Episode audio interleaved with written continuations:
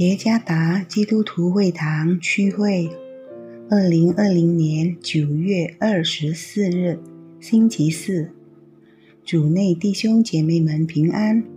今天的灵修导引，我们借着圣经《使徒行传》二十六章十二到二十九节来思想今天的主题：真实且蛮有能力的见证。作者以马内利牧师。使徒行传二十六章十二节，那时我领了祭司长的权柄和命令，往大马色去。十三节，王啊，我在路上晌午的时候，看见从天发光，比日头还亮，四面照着我，并与我同行的人。十四节，我们都扑倒在地，我就听见有声音。用希伯来话向我说：“扫罗，扫罗，为什么逼迫我？你用脚踢刺是难的。”十五节，我说：“主啊，你是谁？”主说：“我就是你所逼迫的耶稣。”十六节，你起来站着，我特意向你显现，要派你做执事，做见证。将你所看见的事和我将要指示你的事证明出来。十七节，我也要救你脱离百姓和外邦人的手。十八节，我差你到他们那里去，要叫他们的眼睛得开，从黑暗中归向光明，从撒旦权下归向神，又因信我。得蒙赦罪和一切成圣的人同得基业。十九节，亚基帕王啊，我固执没有违背那从天上来的意象。二十节，先在大马色，后在耶路撒冷和犹太全地以及外邦，劝勉他们应当悔改归向神，行事与悔改的心相称。二十一节，因此犹太人在店里拿住我，想要杀我。二十二节，然而我蒙神的帮助，直到今日还站得住，对着尊贵、卑贱、老幼做见证，所讲的并不外乎众先知和摩西所说将来必成的事。二十三节。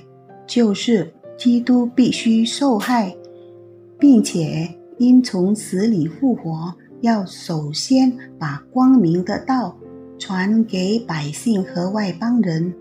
二十四节，保罗这样分述，菲斯都大声说：“保罗，你癫狂了吧？你的学问太大，反叫你癫狂了。”二十五节，保罗说。菲斯都大人，我不是癫狂，我说的乃是真实明白话。二十六节，王也晓得这些事，所以我向王放胆直言。我深信这些事没有一件向王隐藏的，因都不是在背地里做的。二十七节，亚基帕王啊，你信先知吗？我知道你是信的。二十八节，亚基帕对保罗说：“你想稍微一劝，便叫我做基督徒啊？或做你这样劝我，几乎叫我做基督徒了。”二十九节，保罗说：“无论是少劝是多劝，我向神所求的，不但你一个人。”就是今天一切听我的，都要像我一样，只是不要像我有这些锁链。Thomas Huxley 生存于1825年至1895年之间的英国科学家，他非常积极地支持进化论，甚至以达尔文的名字称呼他的斗牛犬。作为一个不可知论者，他认为宗教是一种危险的迷信。有一天，Huxley 问一个虔诚的基督徒：“你的信心对你意味着什么？”基督徒知道 Huxley 是一个怀疑主义者或缺乏信心的人。这位基督徒沉默了一会儿，然后他对 Huxley 说：“你是一个有学识的人，而你当然能够反对我所说的一切。”然而。Huxley 不断的施压，要他解释为何成为基督徒。因此，那基督徒真诚地对 Huxley 诉说耶稣的意义。长话短说，这位基督徒的见证让 Thomas Huxley 深受感动，以至于对这基督徒所说的一切无法辩驳。Huxley 诚恳地说。你对耶稣的信心，我非常钦佩。听了这个见证，我们可以从中学到两个教训。第一点，我们可以重视知识，但我们也知道不该使用正规教育知识来对那可以拯救和改变生命的耶稣测试信心。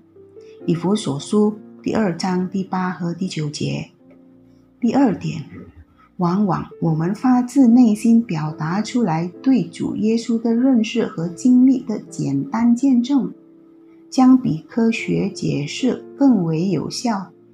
当使徒保罗站在亚基帕王面前时，他告诉他耶稣是如何改变了他的生命。